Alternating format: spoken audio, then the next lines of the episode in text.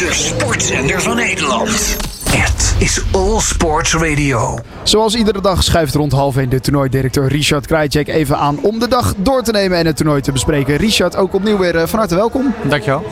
Uh, ja, laten we toch beginnen met die wedstrijd uh, van gisteren op het centercourt. Botik van de Zandschulp tegen Sinner. Ja, een prachtige wedstrijd natuurlijk uh, om de woensdagavond mee af te sluiten. Ja, zeker. nou, de openen. Of, ja, openen. Daarna kwam er nog een wedstrijd van ja. Rublev. die was heel spannend. maar in ieder geval, ja, was super om... het was de laatste eerste ronde van het toernooi. want de wedstrijd van Rublev was alweer tweede ronde partij.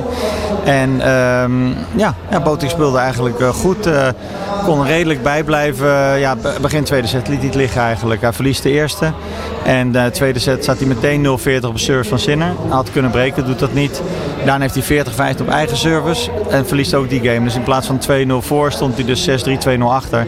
Ja, en dan gaat het opeens heel snel de verkeerde kant op. Maar uh, ja, Sinner gewoon momenteel uh, ja, toch echt wel uh, een van de beste, of misschien wel de beste tennisser op dit moment met de vorm die hij heeft. Maar ja moet toch iedere keer weer laten zien. Dus ik ben benieuwd hoe hij het vanavond afbrengt. Ja, komen we zo meteen nog wel eventjes over te spreken inderdaad Sinner.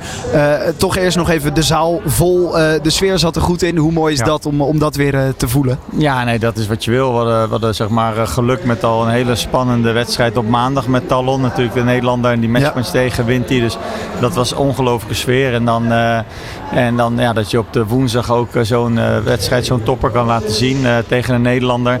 Het enige nadeel is dat een van de twee ja, die, is, die gaat verliezen. maar het is wel een super mooi affiche om de Australische Open winnaar uh, te hebben tegen ja, de nummer 2 van Nederland. En ja, ik denk dat het publiek niet teleurgesteld was met wat ze te zien kregen. Ja, je noemt het zelf al, de Australian Open winnaar inderdaad hier in Rotterdam. Hoe mooi is het om die speler hier te mogen verwelkomen? Ja, heel mooi. We hebben het natuurlijk niet vaak. zes jaar geleden was voor het laatst met Federer. Dan een aantal jaren ervoor Nadal kwam als winnaar. En ja, ik denk dat ik misschien drie of vier keer heb meegemaakt als toernooidirecteur. Ik ben nu al twintig jaar toernooidirecteur, dus ja. echt mooi. Heb jij hem overgehaald? Want ik heb verhalen gehoord dat jij uh, altijd in Australië bent om daar de laatste tennissers nog eventjes over te halen om een ticket naar Rotterdam te boeken. nee, ik ben helaas niet in Australië, maar misschien moet ik okay. het even overleggen met mijn baas. Van, ik moet naar Australië toe. nee, ehm, maar je hebt natuurlijk wel contact. Hij had toen de Australische Open won, Sinner. Uh, toen trok hij zich meteen of vrij snel terug, één of twee dagen daarna van het toernooi van Marseille, is de week voor ons. Ik nou, ben, ben uh, ja, goed uh, eigenlijk bevriend met de manager van Sinner. was ook de manager van Wawrinka geweest, dus die ken ik al heel lang, die manager.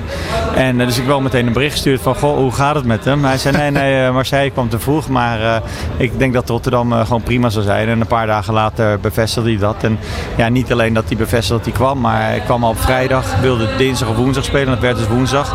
Dus ja, hij heeft hier vier, vijf dagen eigenlijk voorbereid op de banen. Uh, ja, hij is echt, uh, komt hier om te winnen. Ja, uh, en inderdaad komt hier om te winnen, want vorig jaar lukte dat net niet. Nee, nee toen had hij de week ervoor gewonnen in Montpellier. En ja, toen tegen, tegen, tegen Medvedev in die finale.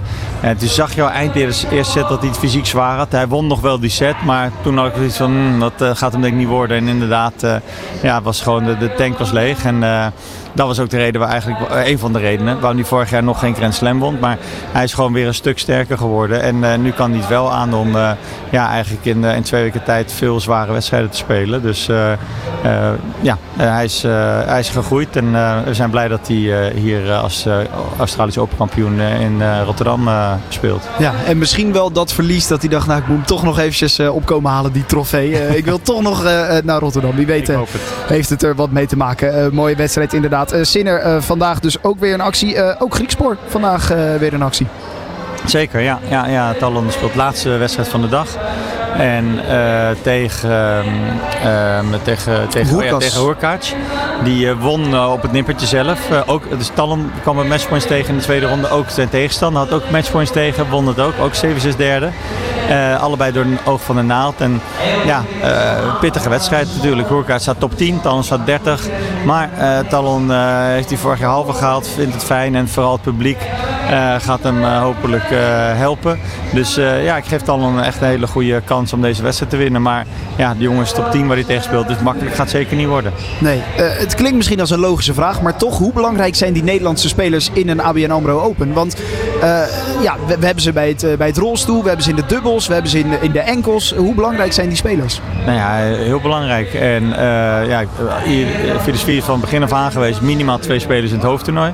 Ja, er zijn die jaren geweest dat je echt zoiets had van oké, ze zijn in het hoofdtoernooi en dat is het. En dan na de eerste ronde nemen we afscheid van ze. Ja. Maar nu heb je echt het gevoel van, nou, er kan echt wel wat uh, gebeuren. En uh, Talon dus vorig jaar halve, Gijs Brouwer in de kwartfinale vorig jaar. En ja, nu ja, is het natuurlijk niet makkelijk met zoveel top 10 spelers en toppers. Dus Talon heeft echt wel moeten knokken in de eerste ronde. En nu krijgt hij op papier hiervan nog een betere tegenstander.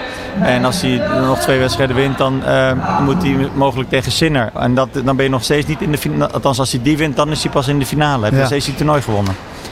Dus het is zeker niet uh, eenvoudig. Maar uh, ja, mooi als ze echt uh, de strijd aan kunnen gaan. En dan merk je gewoon dat het publiek dat ook mooi vindt. Nederlanders, er is toch meer emotionele betrokkenheid. En tegen de wereldtoppers. En als daar mooie partijen uitkomen, dat is, ja, dat is waar we op hopen. Hoe, hoe, vaak heb jij, je noemde zijn naam net, hoe vaak heb jij Gijs Brouwer hier rond zien lopen? Toch een beetje zenuwachtig uh, met zijn tas op zijn rug, hopen dat hij nog mee zou mogen doen? Uh, ja, ik weet niet of ik hem zenuw, maar ik heb hem inderdaad een paar keer gezien. En ja, je moet toch altijd hopen dat je uh, de lucky loser bent. Het, het, gebeurt vaak genoeg dat een speler toch last minute afzegt voor zijn eerste ronde.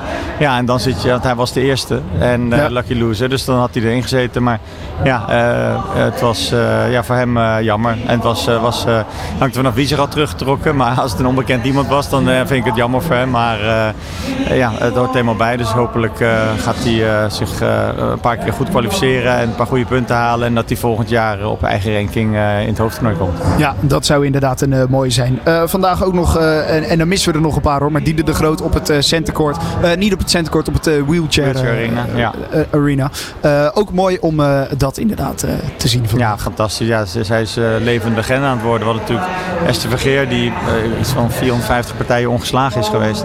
En die gaat langzaam eh, die kant ook op. Eh, dus eh, ja, ze speelt waanzinnig en domineert het, het vrouwen wheelchair tennis. En ja, super mooi dat Esther het voor elkaar krijgt dat, dat die er weer eerst zomaar titel te verdedigen. Dus ja, echt genot om naar te kijken en een must eigenlijk om naar hal 1 te gaan en daarbij wheelchair arena haar, ja, haar te aanschouwen hoe, hoe goed ze speelt.